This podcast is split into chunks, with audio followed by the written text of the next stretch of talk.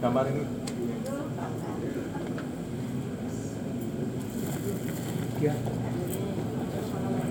Assalamualaikum warahmatullahi wabarakatuh.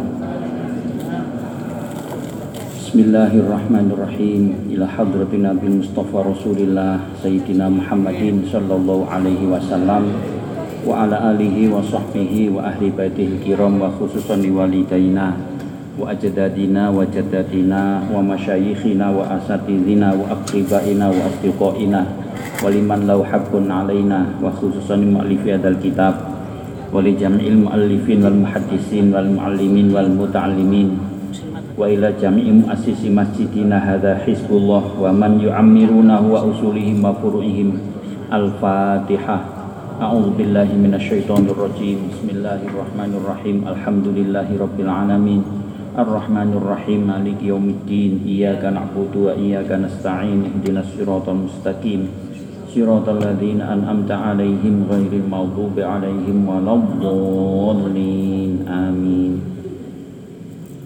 بسم الله الرحمن الرحيم Babu hakul waladi alal walid ini maksudnya jadi niki hak anak yang menjadi kewajiban orang tua kalau ini hak orang tua yang jadi kewajiban anak ya birrul walid Nah, ternyata sami orang tua juga punya kewajiban kepada anaknya sehingga seimbang. Jadi Allah itu sudah menata cara hidup kita ini kepada orang tua, kepada anak, kepada yang sebaya itu semua ada tuntunan-tuntunan. Arahan-arahan bersikap, bertindak, berbicara apa saja itu. Qol al-Faqih Abu Lais rahimahullah ta'ala hadasan Muhammad bin Al-Fadl hadasan Muhammad bin Ja'far hadasan Ibrahim bin Yusuf hadasan Abu Muawiyah an Hasan bin Imarah an Muhammad bin Abdurrahman bin Abi Laila an Isa bin Tolhah an Abi Hurairah saking sahabat Abu Hurairah radhiyallahu anhu anna nabiyya sallallahu alaihi wasallam qala min haqqil waladi. Di antara min itu sebagian artinya belum semua ini. Cuman sering ya ini yang disebut yang utama. Di antara hak anak alal walidi yang wajib bagi orang tuanya salah satu salah satu asya'a ada tiga ayyuhsina ismahu idha wulida. Agar membaguskan namanya apabila anak itu dilahirkan. Yang memberi nama kan orang tua. Buatan dan yang ngekei jeneng dewe aku jeneng nono pak mboten sakit ya mesti bapak atau ibunya. Tapi pilihkan nama yang baik jangan nama yang jelek. Hmm. kalau nama itu sama dengan doa. Jadi doa orang tua Cuman dijeneng sapa dijeneng untung. Uripe cek untung terus kan. Bisa Jawa. Nek nek basa Arab nggih napa falah sa'id. Uh, mas'ud sama itu semua adalah keberuntungan kebahagiaan kesuksesan. Cek dadi wong sing sabar Abdul Halim. Nek nulis sabar kemudian aja nih. Ini saya Pak Sabar. Jadi itu nama-nama yang baik yang memang orang tua berharap ya. Nanti anakku ini mudah-mudahan seperti namanya itu. Makanya pun ditinggal sing elek. Wong biyen itu kadang-kadang gak mikir jenenge iki Februari lahir Febri. Ya mek Februari tok gak oleh apa-apa. Lahirnya bulan Juli dijenengnya Yuli. Jadi itu gak bermakna. Jadi kalau bisa pilihkan nama yang bagus itu wajib. Jadi kewajiban orang tua. Kalau tidak maka ya berdosa meninggalkan kewajiban.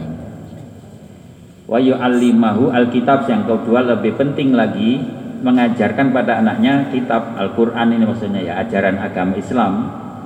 Idza akola apabila sudah mulai berakal jadi mulai mlebu sekolah gitu sekolah no mulai iso maca nggih dengan muruk napa huruf-huruf hijaiyah qiraati napa-napa niku iki bil kolam ya segala macam lah cara-cara membaca sampai memahami kitab.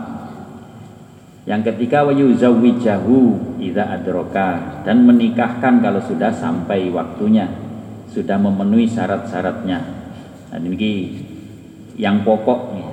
Tapi tentu lebih dari itu ya semuanya. Semua yang menjadi kebutuhan anak itu kewajiban orang tua. Misalnya napa perlindungan.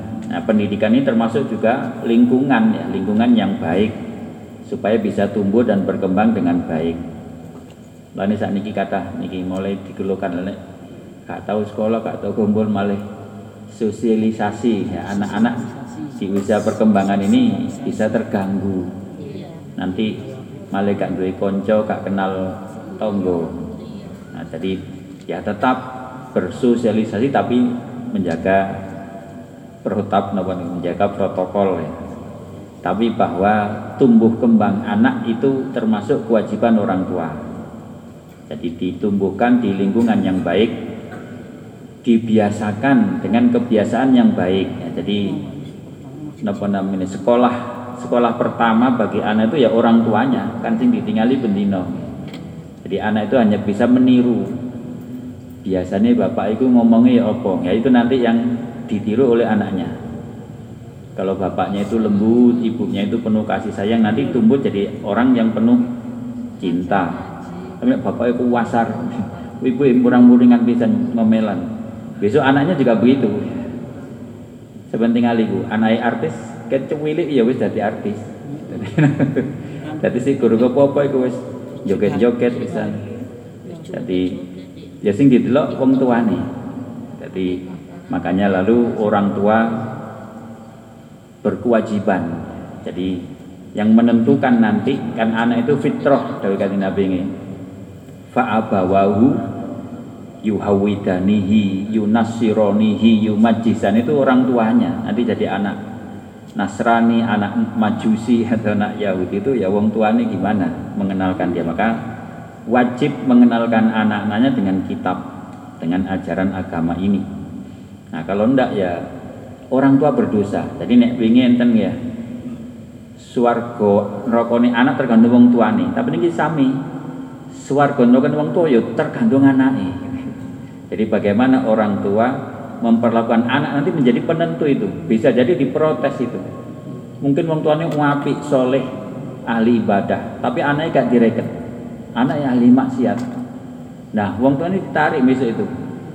Jadi wah tidak bisa saya dulu tidak pernah diajari bapak saya nggak pernah disekolahkan nggak pernah dikenalkan dengan kitab mungkin enten nih ceritanya ini enten bahkan nek sing rumin besok di pengadilan itu ada saling tuntut jadi orang apa istri menuntut suami ada jadi bapak-bapak ini harus terus membimbing para istri kalau ndak ya nanti istrinya nuntut itu wong masih metu gak kudungan di Jarnamawan kali bojo kula. Nah, besok dituntut lho, auratmu lho uang kok.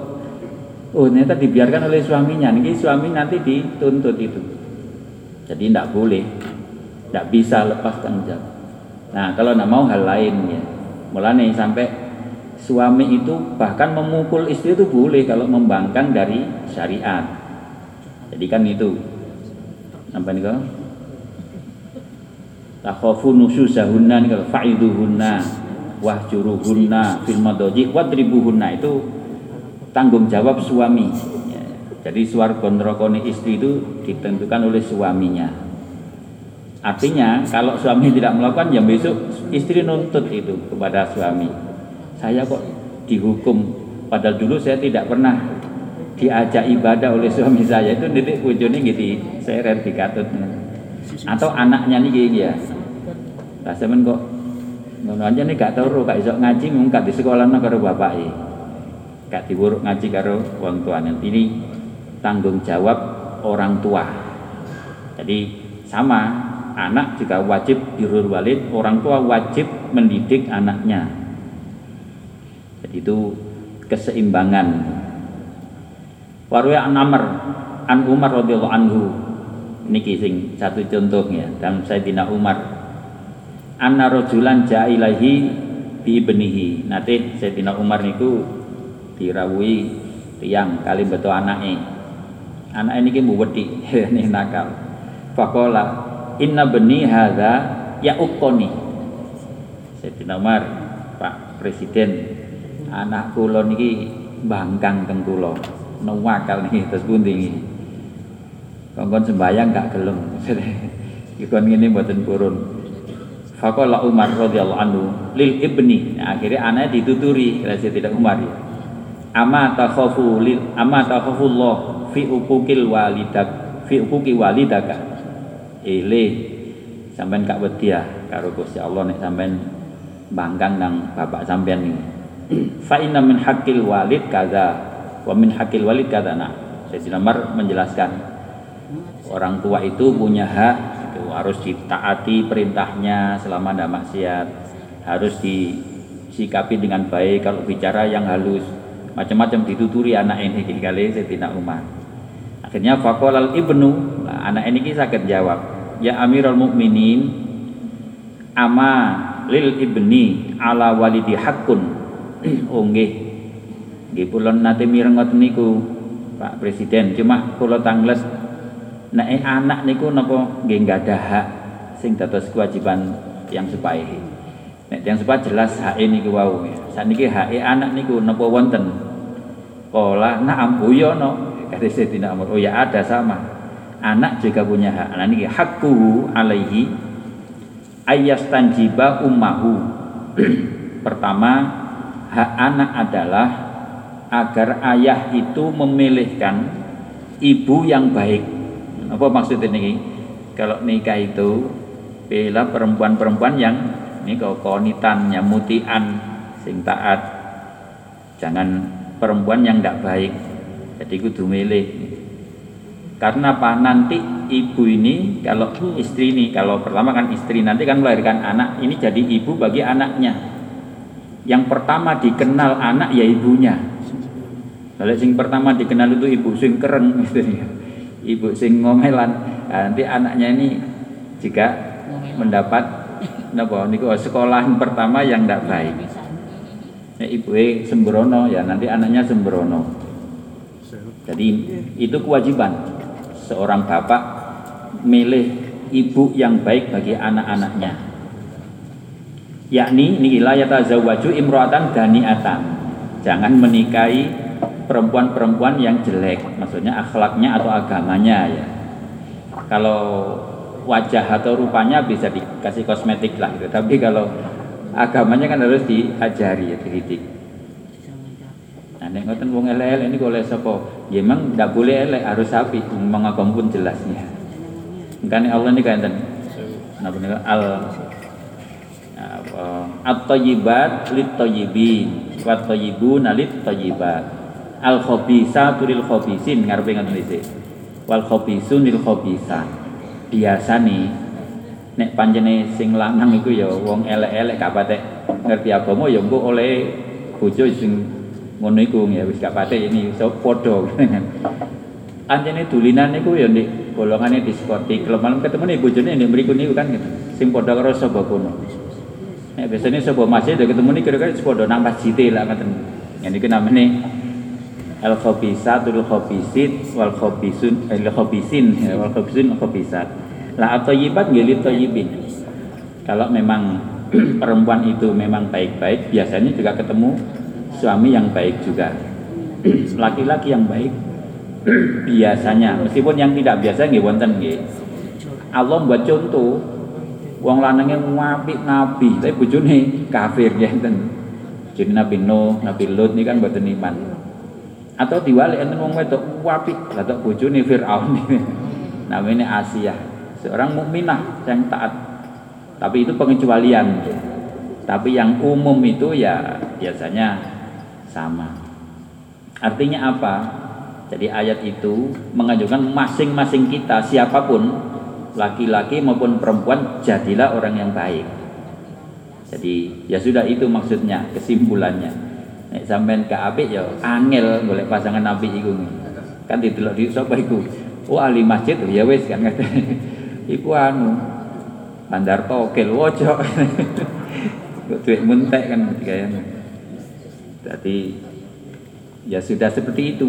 itu sudah menjadi ya istilah hukum alam ya tapi memang hukum Allah itu yaitu Quran yang mengatakan di orang kalau memang sudah terbiasa. Nah makanya tadi ini kewajiban orang tua adalah sejak kecil memberikan lingkungan yang baik tumbuh kembang yang baik bagi anak supaya jadi anak yang baik laki maupun perempuan.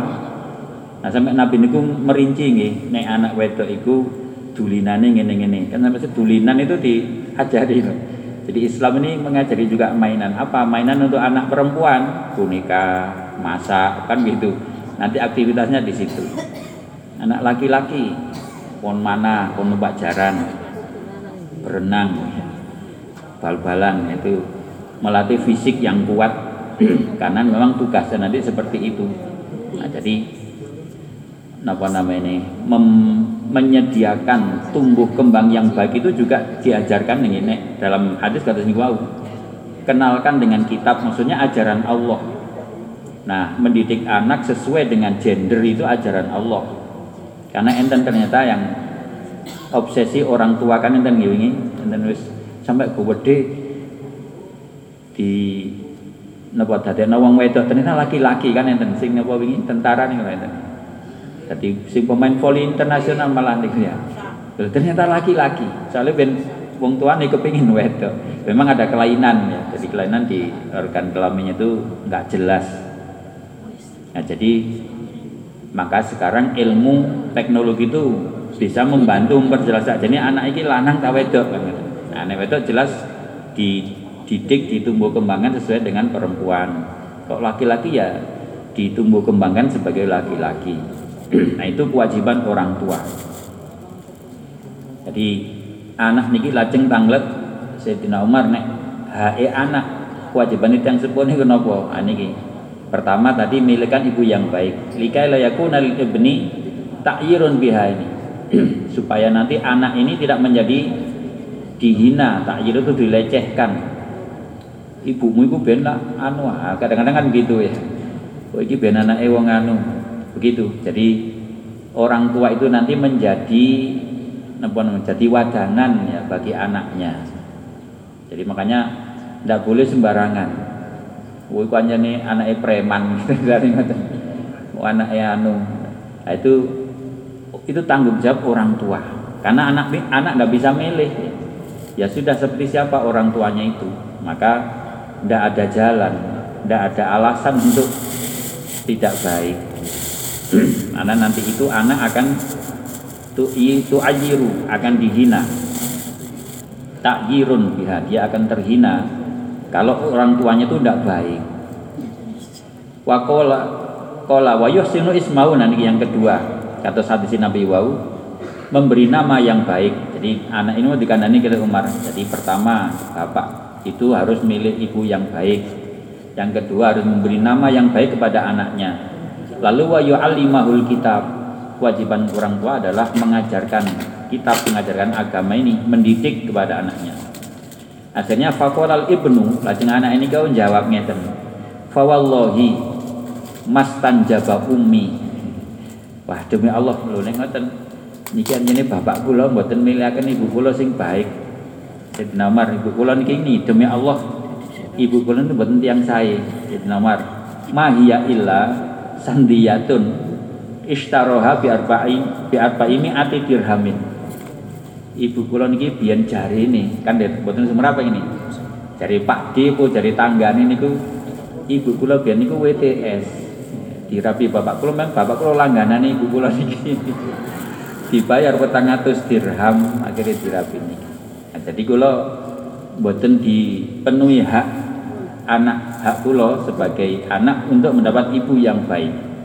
Ya banyak ini bapak ya kabeh nang ya, wong sapa komplek itu. Dadi ini oleh ibu ya bojo sing ngono niku niku wau. Dawe Allah nggih al khabisat lil khabisin. Sayangnya nggak mau berubah. Kalau mau sama-sama tobat baik ya mungkin bisa baik ini, tapi mungkin si pancet nih. Buktinya sampai anaknya iso menilai ngoten. Jadi Umar, wong ibu kula niku lho anu ngotenan niku Jadi berarti bapak tidak memenuhi kewajiban yang menjadi hak anaknya. Artinya pak anak nah diberi contoh yang baik. Lalu wala hasana ismi kulo jeneng kulo nggih mboten apik Sayyidina Umar.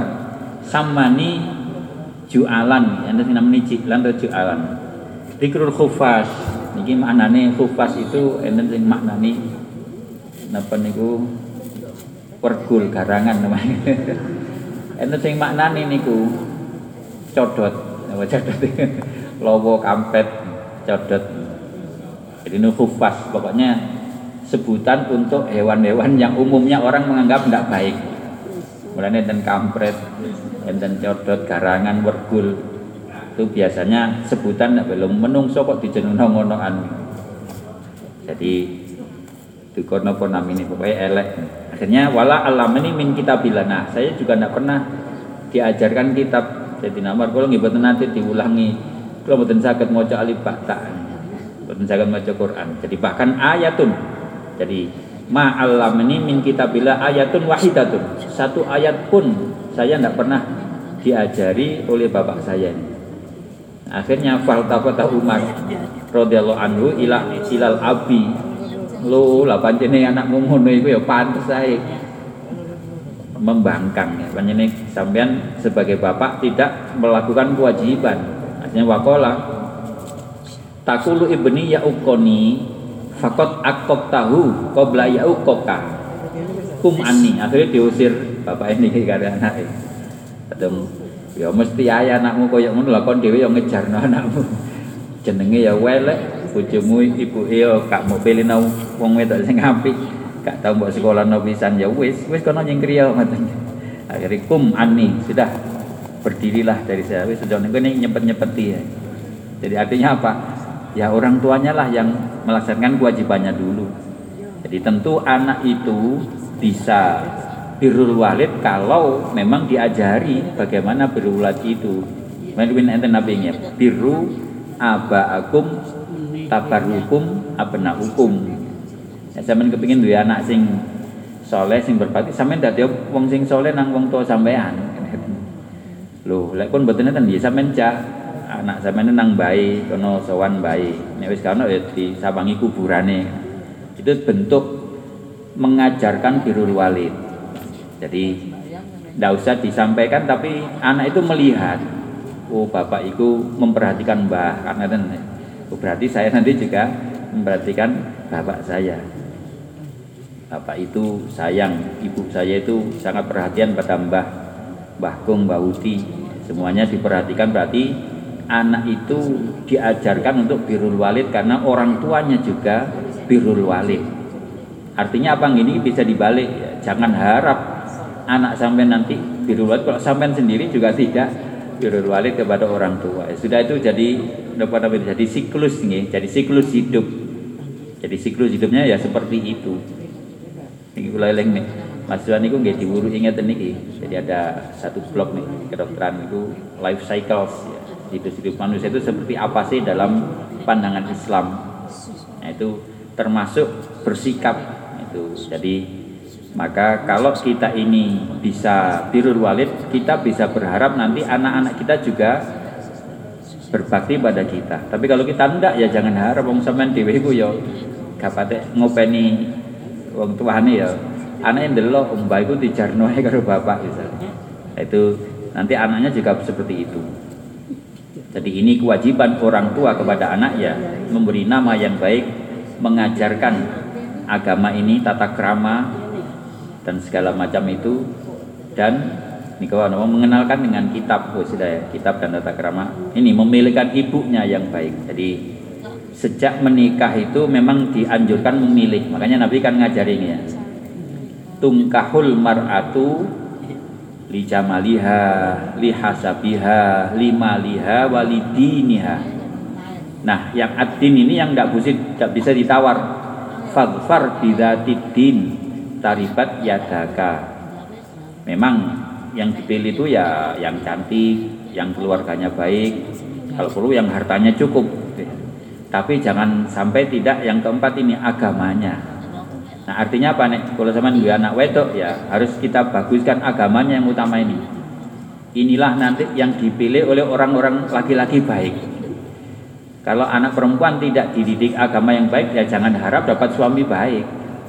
Ya nanti terserah dia bergaulnya di mana di situ ketemunya nanti calon suami yang tertarik pada dia tapi kalau sudah dididik dikembangkan di lingkungan yang baik ya kira-kira yang mendekati ya laki-laki yang memang paham gitu ya kan milih perempuan yang baik tadi itu jadi itu jadi satu kesatuan nih. Jadi ajaran Islam ini sudah lengkap, sudah menyeluruh bagi semua pihak.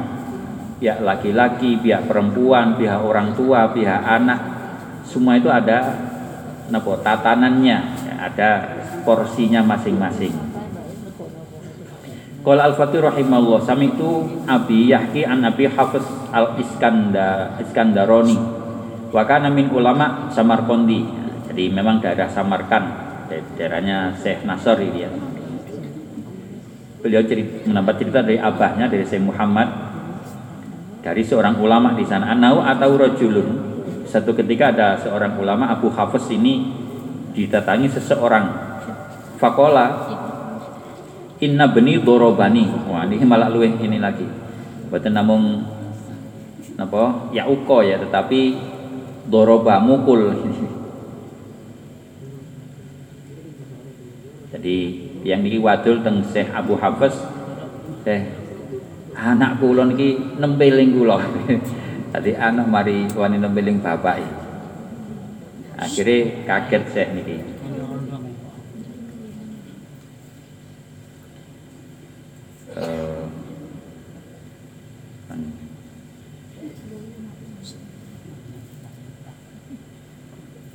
Subhanallah al ibnu yadribu abahu.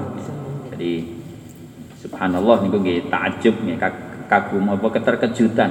Masya Allah kok ono anak nembeling bapak iki ya apa? Saniki tambah kadang iku biyen niku enten pun enten entang ngoten niku. Sakniki malah mateni barang mergo ngeroyok warisane nah niki karena memang tidak dididik gitu ya tidak diajarkan sejak kecil. Jadi yang dilihat itu ya hanya materi. Wah bapak sugire ngono kok iki kok jatahku kon ngoten dadi gak ditata seperti apa nanti e, ketentuan waris dan sebagainya itu itu bagian dari kewajiban orang tua. Jadi harus diberi pengertian sejak kecil sehingga tidak pada orientasi-orientasi materi. Nah, saat ini kata sing ngoten niku Kak diburuk bagaimana seharusnya, bagaimana tatanan agama ini maka terjadi seperti itu. Jadi bahkan anak berani memukul orang tua. Ya kaget Abu Hafiz ini kok ada. Ini kola naam iya. Nggih estu Syekh dorobani wa ujani sampai kulon ini nggih sakit. Jadi wajaun itu disakiti. Fakola akhirnya ditangleti bapak ini. Mungkin ki anaknya mboten dibetong ya. Jadi sampai kok sampai dipukul anak sampai ini apa? Fakola hal alam tahu al adab wal ilmah apa sampean niki wis nate muruki anak sampean niku toto promo tak pun sampean sekolah nota anak sampean niku Akhirnya kula lah mboten anjene. oh ya pantes ae. Anjene anak kula ben cilik nggih pun kula nggih kula rambut pokoke urusane kebutuhan materi ini tok wis pokoke sehat waras wareg ngoten pun mboten kula sekolahaken. Mboten kula pengen ngaji. Jadi tidak diajari dengan adab atau ilmu Fahal alam tahu Al-Quran. Nah, lagi apa kamu ajarkan Quran pada anakmu? Walalah Pada nanti Gak tinggal Quran juga diburuk dewi Wala fa'ayu amalin yakmalu nah, Seperti apa sih amalnya itu? Wala hal Alam ta Hal alim ta Li ayyi syai'in Kalau gitu apa kamu tahu? Kenapa anakmu itu kok memukul kamu? Lapo saja nih anak zaman kok sampai sampai ditempeling itu? Gara-gara ini nopo saja nih akhirnya kalau lah aku lagi buatin ngerti nggih moro tempeling ngoten mampu muka dikai dhuwit napa das pundi. Tapi kalau kok ditempeling anak kula. Akhirnya kola ada akhirnya wis jelas wong gak diwuruk. Iki salah wong tuane salah sampean dhewe gampang. Nggih fala allahu oh nek sampean gak ngerti ngene paling. La allahu khina asbaha. Wa tawajja ila zar'i. Iki mungkin wong desa ya petani. Mungkin anak sampean pas esuk-esuk kati berangkat nang sawah. Ila zaria tentang kebun. Ruwaroki pun alal khimar. Ya naik keledainya. Wasairon. Wasaironi banadai dia juga membawa banyak. Asairon itu sapi-sapi jantan. Saur itu sapi apa namanya banteng. Sapi. Wal kalbu min kholbi dia juga bawa anjing. Mungkin dia peternak nih menggembala sapinya pakai anjing. Wahwa layuh sinu al Quran. Fatahona karena dia tidak semen tahu, gak tahu semen wuru Quran akhirnya nggih nang kebun ambek nyanyi-nyanyi ngoten niku. Ngundang duit bawa pola lagu wis gak jelas. Akhirnya wata arota lahu fi dalikal waqti napas ngoten niku sampean pas ning ngarepe anak sampean akhirnya fadona annaka bakorotun fadoropa semen ini dikira sapi paling kok ditempeling mau nyingkrin jadi karena apa? Ya memang nggak tahu apa-apa anak sampean itu. Nggak sampean wurui nggak sampean wuri toto kromo. Sampean paling dianggap sapi be. Jadi di sini ini bisa kali si Abu Habas ini maka fahmatillah. Hai sulam yuk syukur. Sirah sampean nggak sampai pecah. Wis ngono sampean untung wis. Jadi bukan salah anak sampean ya salah sampean dewi untuk anak kok gak di no gak di sekolah no gak diwurui gak dikei contoh gitu yang penting contoh. Jadi yang dilihat dari orang tua itu apa? Itu yang lebih penting. Nek ngaji mungkin iya di depan guru ini. Ya paling itu bagiannya tapi yang jauh nih kalau yang lebih penting justru sekolah pertama itu ya ibu bapaknya sendiri. Maka nih kalau milih ibu sing ampi bapak karena mungkin sering bekerja di luar rumah maka yang paling sering ketemu dengan awal kehidupan seorang anak itu ya ibunya. Maka ibu itu harus jadi perempuan yang baik. Jadi itu kewajiban-kewajiban orang tua. Mulai Nabi wa fadfar din. Sudahlah, pokoknya kalau milih perempuan itu agamanya itu yang nomor satu, jangan sampai tidak. Ini yang menentukan nanti. Urip sampean niku enak apa gak enak tergantung agamanya seorang istri, seorang perempuan yang saya pilih jadi istri itu. Kalau dia perempuan yang baik, insya Allah nggih. Fadfar taribat yadaka. Tangan sampai nanti akan dapat yang sampai mau. Tentu kan mau keluarga yang baik, keluarga yang sakinah, yang mawaddah. Nah ini kita di, oleh Allah nggih diberi contoh banyak sekali nggih setiap hari nggih jadi kita itu sudah diberi contoh, nggak hanya diberi ajaran. Iku lo contohnya wong sing newedo ini. Iku lo contohnya sing wedo ini kan pun kata sangat. Jadi semua dalam kehidupan ini semua adalah iktibar ya, pelajaran dari Allah. Nah, maka itu kewajiban para orang tua ini wajib ditunaikan bagi anak-anaknya. Jadi mulai dari milih pasangan hidup yang baik itu termasuk kewajiban untuk nanti kalau anak-anaknya dilahirkan dari pasangannya itu. Lalu tentu mengajarkan tadi, memberi nama yang baik dan seterusnya. Wa Sabit al-Bannani rahimahullah qala Ruwiya anna rajulan kana yadribu abahu fi maudiin. Nah ini pernah ada satu riwayat Syekh Sabit al-Bannani ada seseorang yang memukuli bapaknya fi maudiin di satu tempat. Mudik pasar, mudik embong, mudik perapatan. Akhirnya fakilalahu nah, bareng tiang-tiang ningalu ih ono apa iki? Kilalahu. Mahada kenapa? Sampean kok nembelingi bapak sampean ini apa? Akhirnya fakolal abu ternyata bapaknya yang jawab. Kholu anu biar biar jangan jangan dimari ya. Iya anak saya sendiri anak kandung saya.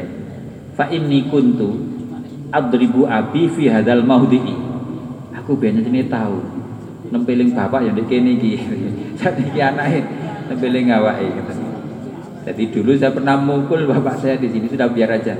Nggak nggak apa-apa, nggak usah. Ini mungkin balasan dari Allah kepada saya. Itu kok saking. Jadi ini gambaran ya. Jadi kalau orang itu jelek pada orang tuanya, pasti besok anaknya juga balas seperti itu. Sama kalau orang itu bagus pada orang tua, insya Allah nanti anaknya juga bagus pada dia. Nah, jadi nggih kados dawuh Nabi wa biru abaakum tabarukum abun sebaliknya kalau kamu uh, ya ukko abaka sampean durhaka ya. Nanti anak-anakmu juga durhaka kepada sampean. Ini fabtuli tu bi ibni yadribuni fi hadzal mauti maka saya diuji oleh Allah anak saya sendiri mukul saya di sini juga. Hadza bidzaka memang ini balasan dari tindakan saya dulu. Wala lauma alaih. Tidak ada celaan dan tidak tidak perlu dimarahi dicela anak tindakan anak saya ini ini memang salah saya sendiri ya, gampangannya ngoten jadi dulu itu banyak hal-hal seperti itu ya apa Nah, yang saat ini namanya hukum karma ya, tapi dalam Islam bukan karma ya, memang seperti itu hukum Allah. Jadi semua yang kita lakukan pasti kembali. Quran kan balik-balik nih. Apa nih? In ahsantum ahsantum li anfusikum wa in asatum falaha. Nek sampean api nang sapa wae nggih sampean mendapat apresiasi yang baik juga. Tapi nek sampean ndak baik, ya mesti sampean dapat yang ndak baik. Wong ngomongnya kilometer gak tarung mesti dilokno wong akeh. Kan pun ngoten wis biasa nih. Sing di napa sing dilokno kan nggih wong sing ngoten-ngoten niku anjene. Tapi nek wong sing panjenengan biasanya ngomongnya ya apik, ya wong mesti apik. Wong kate ngomongnya sungkan. Wong iku halus, wong iku kan ngoten. Nah, jadi ya seperti itu sudah. Jadi itu kembali pada dirinya sendiri-sendiri. Napa niku eh, sesuai amal ibadahnya sendiri-sendiri. Jadi nasib kita itu ya seperti itu. Itu makanya agama ini mengajarkan mulai dari individu ya kita masing-masing.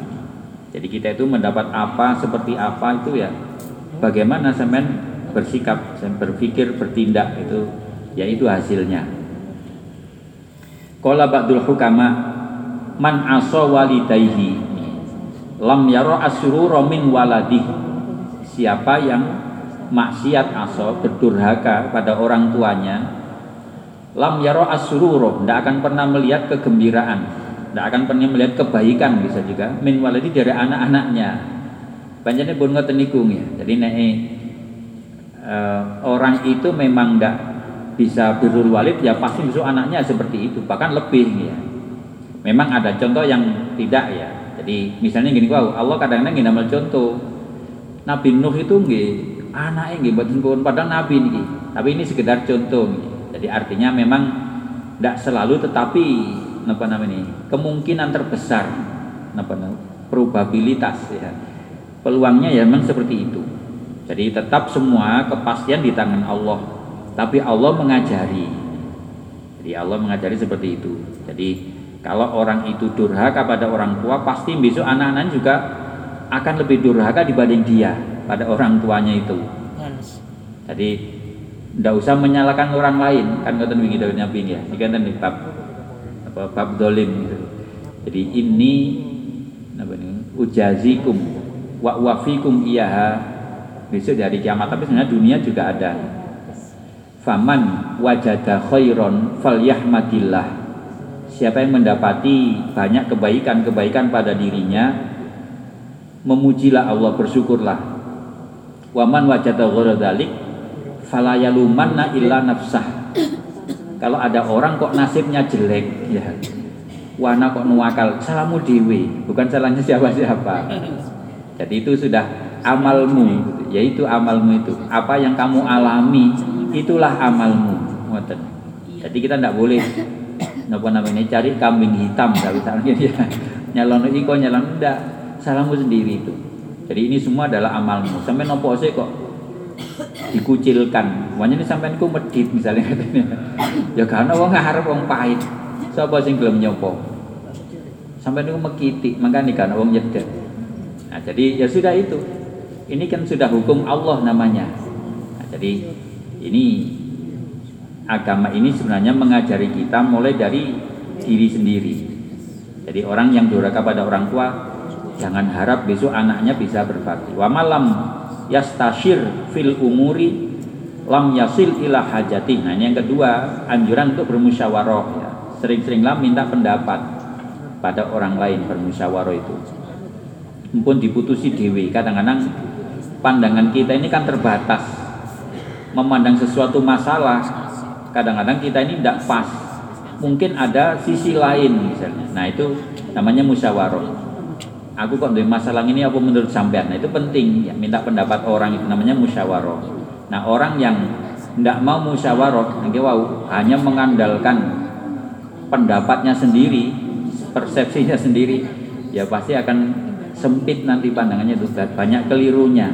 Jadi fil umur dalam banyak hal lam yasil ilah hajati akan sulit bisa mencapai tujuan mencapai hajatnya cita-citanya. Jadi kita ini tidak bisa memandang segala sesuatu hanya dari sudut pandang kita sendiri.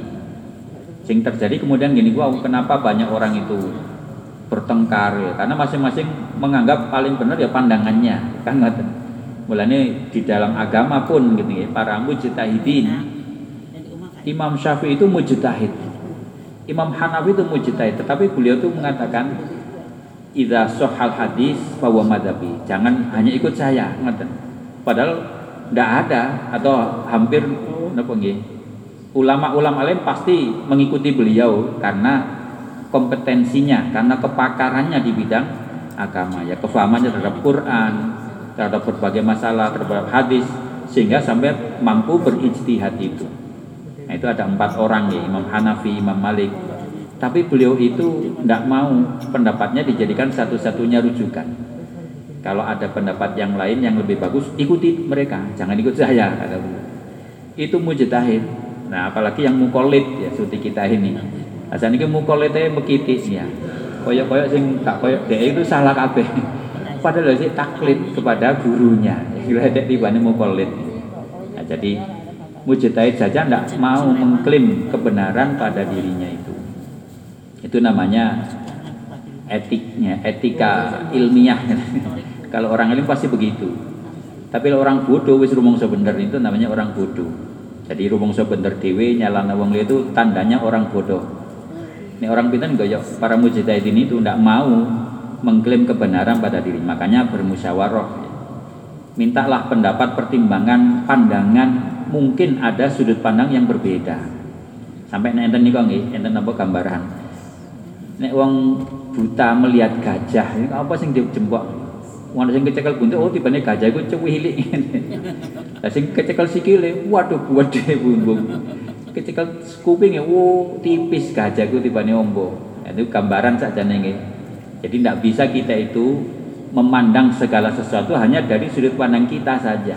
Mungkin ada sisi lain orang bisa melihat dari arah yang lain yang pasti bisa berbeda itu persepsi atau faktanya itu itu namanya bermusyawarah jadi kalau musyawarah dari berbagai sudut pandang nanti kita bisa menggambarkan sesuatu umur itu sesuatu atau masalah secara lebih komprehensif gitu.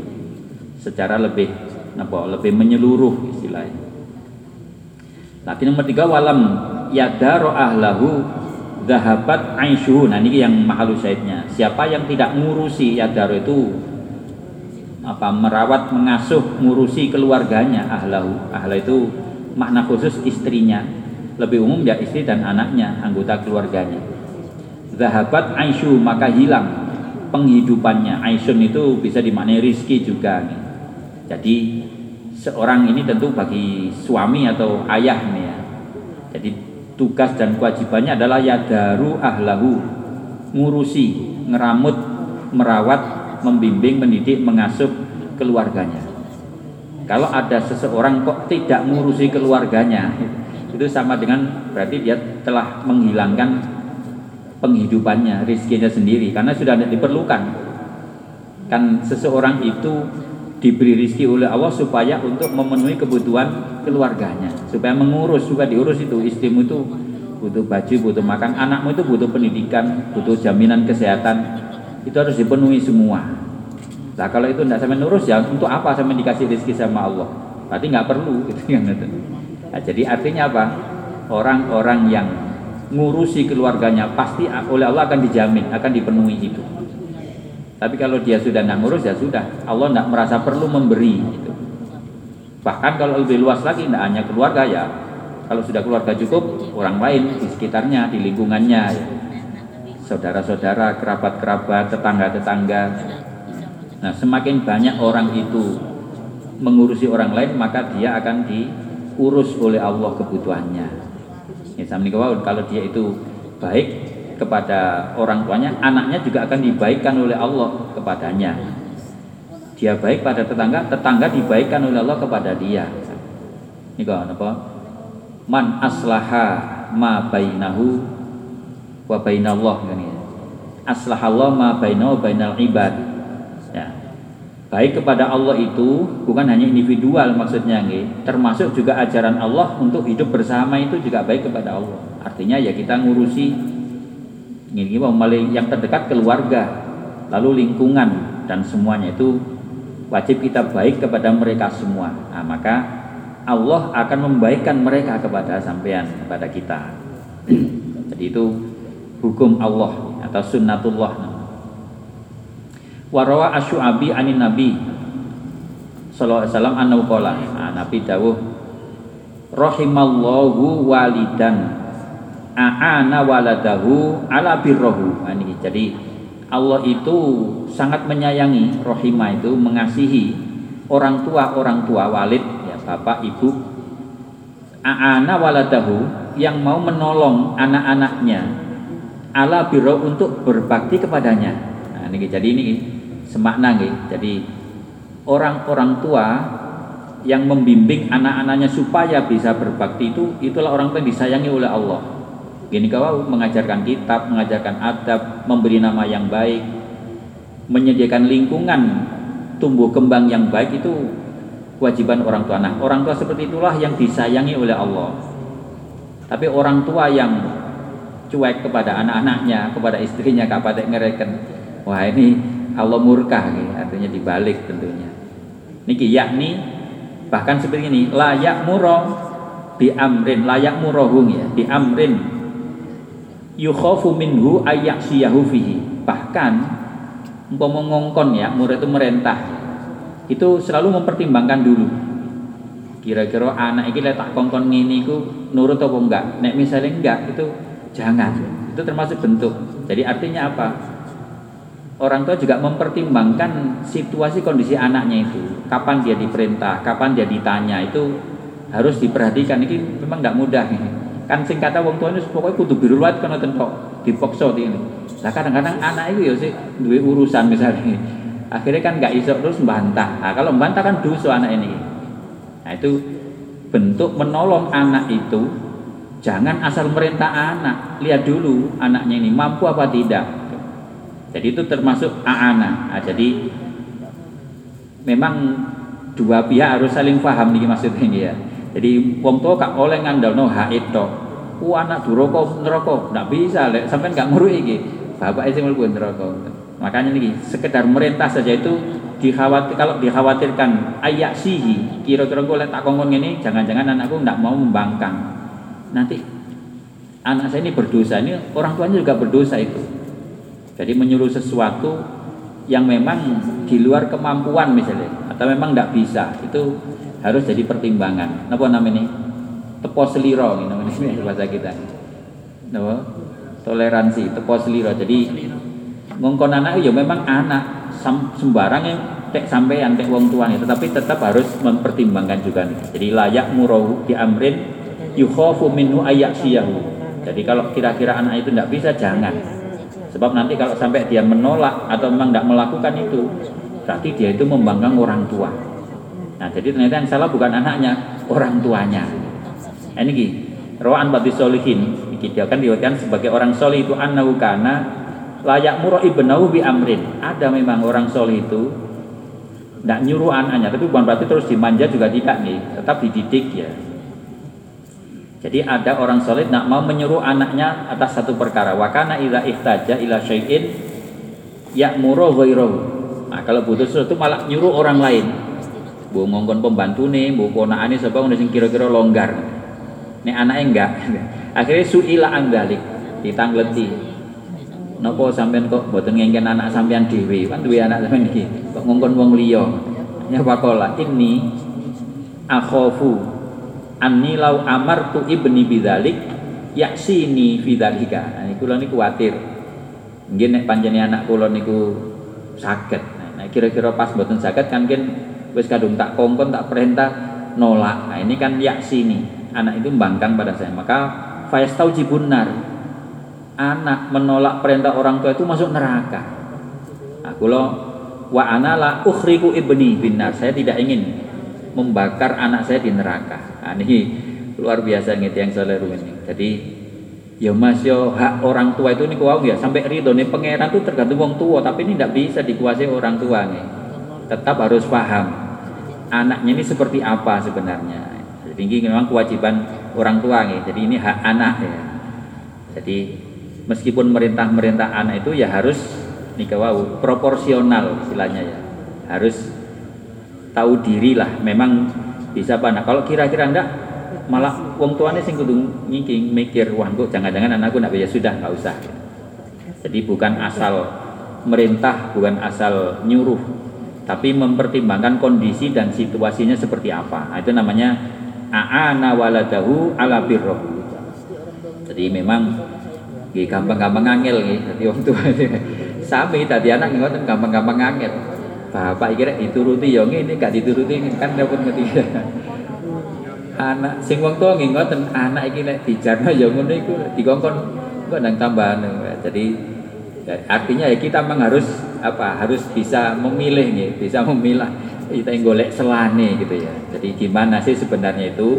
Ya di namanya istilah yang itu ya dicul nondase tapi cekel buntute ngaten ya. Gak dicul blas nggih liar gak karuan. Apa ncewekel nggih gak iso apa-apa ya diberi ruang tapi tetap dikendalikan.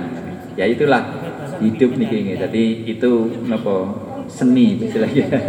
Jadi satu apa cara seni kehidupan cara-cara yang memang harus kita sikapi secara wajar secara apa proporsional nah jadi birul walid ya birul walid itu memang kewajiban tapi kewajiban orang tua juga ada jadi memang bukan birul walad mboten enten nggih. Tapi hakul walad niku enten. Jadi harus disikapi baik juga. Nah, jadi sebenarnya kalau kita urut nggih, birul walid itulah bagian dari kita mendidik anak-anak kan ngoten. Jadi kalau kita itu birul walid, maka anak kita melihat, oh berarti kepada orang tua itu harus begitu.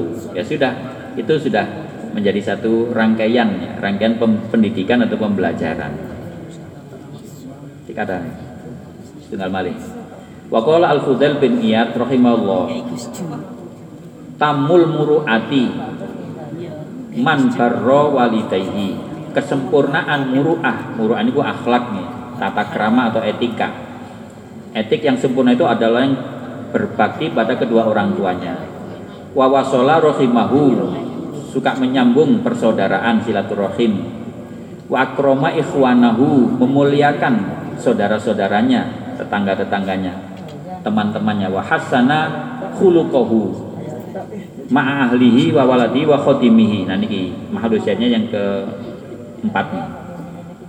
Jadi berbagi pada orang tua, menyambung silaturahim, memuliakan kerabat teman-teman dan bagus akhlaknya kepada istri, kepada anak, bahkan pada pembantunya. Jadi khotim itu pembantu jadi masih pembantu apa namanya asisten rumah tangga nek biar babu tetap harus baik pada mereka jadi sesuai dengan posisinya tadi wa akhroza dinahu menjaga agamanya jadi agamanya dijaga betul apa yang memang ini tuntunan aturan apakah ibadah mahdoh maupun ibadah muamalahnya wa aslaha malahu bagus dalam mencari harta. Jadi aslah itu membaguskan. Solah itu patut jadi bekerja secara wajar, tidak sampai melanggar yang dilarang oleh Allah.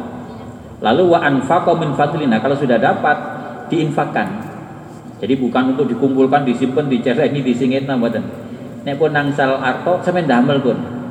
Juga sesuai dengan tuntunan Allah, ya tentu yang wajib-wajib utamakan kalau ada kelebihan ya yang sunnah-sunnah, yang mubah-mubah. Jangan sampai yang haram tentunya. Lalu wahafidho lisanahu bisa menjaga ucapannya, bicaranya tertata, tidak ngawur ya. Ke asal jeplak. Wala us pokoknya ini komen, ini komen iku jenenge gak jaga lisane. Akhirnya nggak gak karuan dadi ember. Niku buatan muruah namanya. Jadi nek uang sing muruah sempurna itu bicara saja ditata diatur api apa enggak kira-kira ada dampak apa enggak meskipun mungkin sesuatu yang benar kan ngoten ya kebenaran kalau tidak sesuai dengan konteksnya tidak tempat dan kondisinya enggak tepat itu bisa jadi berbahaya kan ngoten iki wingi enten kula melok kursusnya kursus bioetik. Ini kan di etika dokter niku. Dokter itu tidak harus selalu mengatakan kondisi yang real bagi pasien. Sebab bisa jadi malah dikandani kondisinya bisa tambah stres nanti. Nah, ini tanggung jawab dokter nih. Dokter tidak boleh bohong. Tapi juga tidak boleh memperparah pasien karena tahu kondisi yang sebenarnya. Nah di sini memang kadang-kadang harus apa namanya ini? Kan istilah breaking bad news namanya menyampaikan berita buruk itu harus bijak. Jangan disampaikan paling kurang sakulan mati. Mbak tenang sal mbak tenang mungkin kan menurut ilmu kedokteran kan enten. Faktanya misalnya ya sudah terjadi apa namanya destruksi multifungsi misalnya berbagai jaringan sudah rusak semua berbagai indikator tetap indikator nih hasil labnya itu ngeten loh saja nih saat ini kira-kira separuh hati ini rusak ginjal wis karek mek situ misalnya ngoten kan sing kan dokter nih tapi lek no wah tambah stres tambah cepat mati nah jadi aku cara nanti pentingnya dokter yang muslim itu bukan ini ini dokter muslim jadi ada sisi-sisi spiritual yang nanti menjadi harapan. Tentu secara medik dimaksimalkan itu sudah jelas kaidahnya. Tapi ada satu hal di luar semua itu adalah masyiatullah. Pasien diburu ibu pikir mau sing kata mungkin Gusti Allah paring kan ngoten. Tapi ikhtiarnya ya maksimal sesuai dengan ikhtiar itu. Sebab terus begini ke ke uh, kadang-kadang ya ikhtiar dokter itu sebenarnya sia-sia menurut ilmu kedokteran kan ngoten. Cuma keluarganya ngotot nopo caranya pokoknya itu waras. Padahal dokter tahu faktanya ini sudah tidak ada jalan kan ngoten. Kayak yo buat opo ae wis gak ono gunane. Nah, mulai ini kadang-kadang monggo pun didongaaken nggih tetep dikai obatnya. Tapi sakjane niki tapi lek dikandani obat iki gak gunane kan tambah repot nggih. Nah, jadi istilah niku paliatif namanya nggih. Jadi terapi paliatif misalnya pada orang-orang yang kondisinya memang sulit ya. Jadi hanya bagaimana mempertahankan kondisi kualitas hidup minimal tidak lebih buruk hanya gitu saja sebenarnya. Nah di sini, nah kadang-kadang niki wau tidak harus mengatakan kebenaran itu kepada setiap orang atau apa adanya. Dan itu dibolehkan dalam Islam. Ya. Ini hadis Nabi. Apa nih kafa bil mar'i kadibdil batangnya ayat ayat apa ayakula ma'alimah atau kula ma'alimah. Orang itu sudah cukup disebut berbohong kalau dia mengatakan semua yang dia ketahui. Usahru di wanakno kabeh itu tidak boleh kata Nabi. Ada yang memang harus dirahasiakan. Ada yang harus disimpan sendiri untuk kepentingan yang maslahat tentunya. Nah, ini jadi hafidholisanahu itu artinya ya begitu. Bicara pun itu harus ditata dijaga. Meskipun itu kebenaran tapi bisa jadi kalau kondisinya tidak sesuai bisa berbahaya. Maka jangan. Jadi ini orang menjaga lisan itu ternyata juga satu seni lalu lazima baitahu. Niki. Yang sing saya muru itu buatan suka keluyuran. Makanya dikai kurun sih buatan keluyuran kalau zaman sing anteng di omah. Lazima itu kan netem di omah. Maksudnya apa? Ngurusi keluarga ini nih gitu sama ngurusi. Nggak nyambut damel nyambut damel. Tapi ada umatun nggak sama wangsul pun terus gak karuan belakrak nang dintikan gitu. Sing kata lah ngoten dia sajane wis mari sopo diskotik nongkrong di mall gak karuan ngoten akhirnya nggih malah ruwet. Jadi tidak lazima bayi tahu. Padahal seorang umur itu sing ahli omah kamangan ngoten nggih. Ya memang waktunya keluar ya keluar lah. Untuk kewajiban harus. Di omah terus nggak welek sampean mangan apa nggih? Lho pengira apa nggak? Sakit. Sampean nggak metu juga wong jangankan di rumah. Di dalam apa namanya di dalam benda yang tertutup pun Allah bisa ngasih rezeki. Tapi harus melalui mekanisme. Nah, tetapi tetap ada apa hak atau waktu-waktu untuk ngurus rumah dan keluarganya itu jadi orang yang muruannya bagus itu ya kamane diri wong embongan lah Lek supir ngajeni nang embong wong supir. Lek mari nyupir wangsul ngoten lho maksude nggih. Mboten terus wes gak nyupir lah gak le rezeki sampean. Lek rezeki teko supir gitu keluyuran panjene. Tapi kan enten jame ya, nggih mosok di embong terus. Gue mungkin jarak jauh. Misalnya napa niku. Supir jurusan Jakarta sampai Sumatera Barat. Mungkin rong dino, telung dino, petang dino gak boleh mari kan mulai beri rong dino di omah.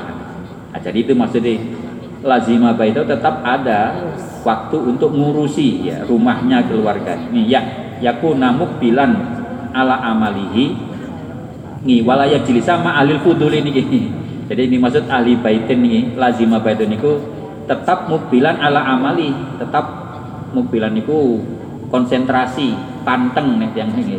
Nyambut gawe ini banyak panteng temenan banyak nyambut gawe. Tetapi layak jelisu ma ahlil fudul. Nggak suka nongkrong. Ya jelis ini lunggu-lunggung ya kangen yang sing alil fudul sing panjangnya wis suka berlebihan.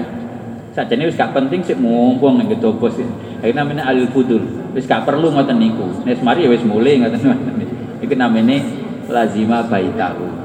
Jadi ini luar biasa nih jadi Syekh Fudel bin Iyad membimbing kita bagaimana memiliki muruah yang baik nih salah satu yang wau. Hasanah khuluqo ahlihi wa waladihi. Bagus akhlaknya bagi istri anak-anak bahkan pada pembantu-pembantunya. Itu mahalu syahidnya jadi ini kewajiban setiap orang kepada anak-anaknya. Itu juga sebenarnya juga kepada keseluruhan nih anggota keluarga dan yang lain-lain. Kim kim kim kalau panjenengan termasuk terus diparingi bimbingan pitulung kali Allah sakit birrul walid juga sekaligus melaksanakan kewajiban pada anak-anak amin ya rabbal alamin. Astaghfirullah Rabbal baroya Astaghfirullah minal khotoya Rabbi zidni ilman nafi'ah wa wafiqni amalan solihan maqbula subhanakallahumma wa bihamdika ilaha illa anta astaghfiruka wa atubu ilaik. Assalamualaikum warahmatullahi wabarakatuh